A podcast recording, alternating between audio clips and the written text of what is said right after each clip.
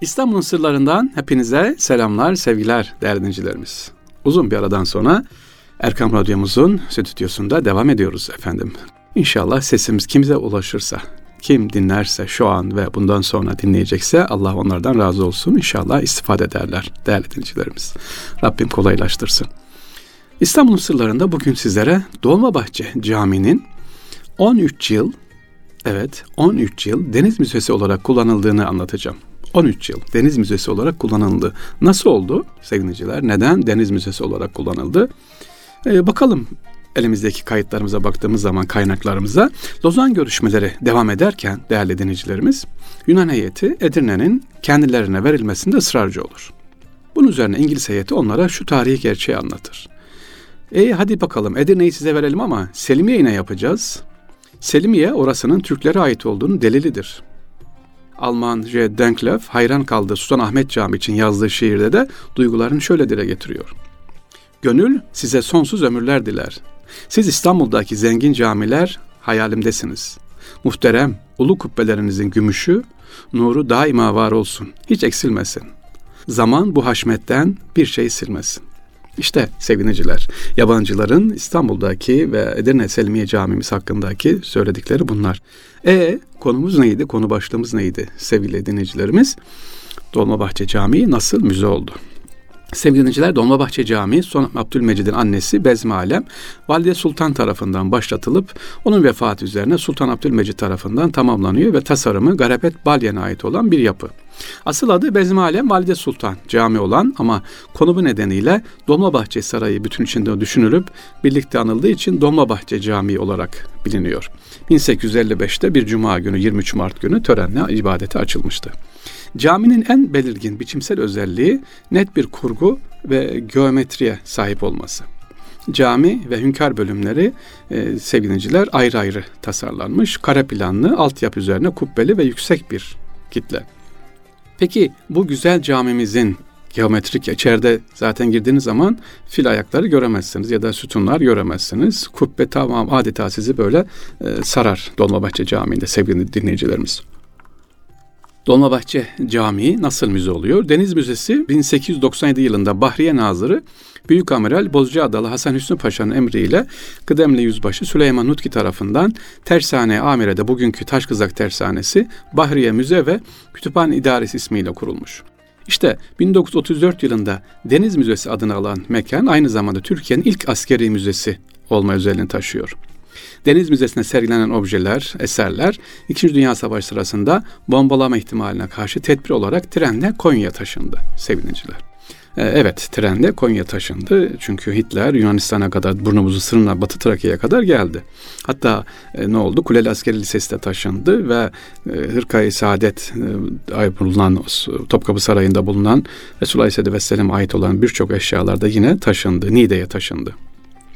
Evet Konya taşın demiştim bu Deniz Müzesi. 1946'da e, müzenin başına Deniz Hakim Üsteğmen Haluk e, Şehsivaroğlu geliyor. Dershane depolarına atılmış bulunan objeleri yeni bir yer aranır. Daha da yerleştirmek için ve müdür Şehsivaroğlu zamanın valisi Lütfü Kırdar'a Deniz Müzesi fikrini açtığında Kırdar ona Fransız şehircilik uzmanı Henry Prost'un müze yeri olarak Dolmabahçe Camii'ni beğendiğini söylemiş.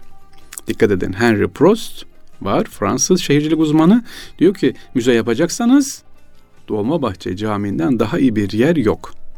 Hatta Prost raporunda diyor ki Dolmabahçe'nin tarihi önem üzerinde ısrarla duruyor ve Fatih'in gemilerini buradan karaya çıkardığını belirterek bu önemli olayın geçtiği yerde bulunan eski ve terk edilmiş bakın eski ve terk edilmiş Dolmabahçe Camii'nde bir Kadırgalar Müzesi kurulmasını tavsiye ediyordu. Bu kelime biraz ağır geldi bana değil mi? Terk edilmiş ne demek? 1946'da terk edilmiş cami. Koskoca Dolmabahçe Sarayı ve Dolmabahçe Cami için bu cümleyi kullanıyor.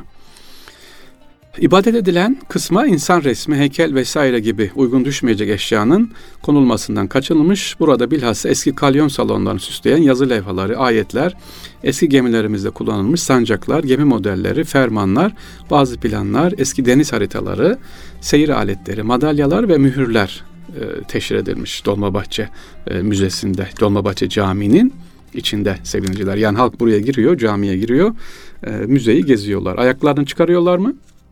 Ayakkabılarını e, bilmiyoruz. Evet, müze yapılacak başka bina kalmadı mı o dönemde sevgiliciler? E, Dolmabahçe Camii 27 Eylül 1948 gününden itibaren Deniz Müzesi olarak hizmet veriyor. Ne zamana kadar?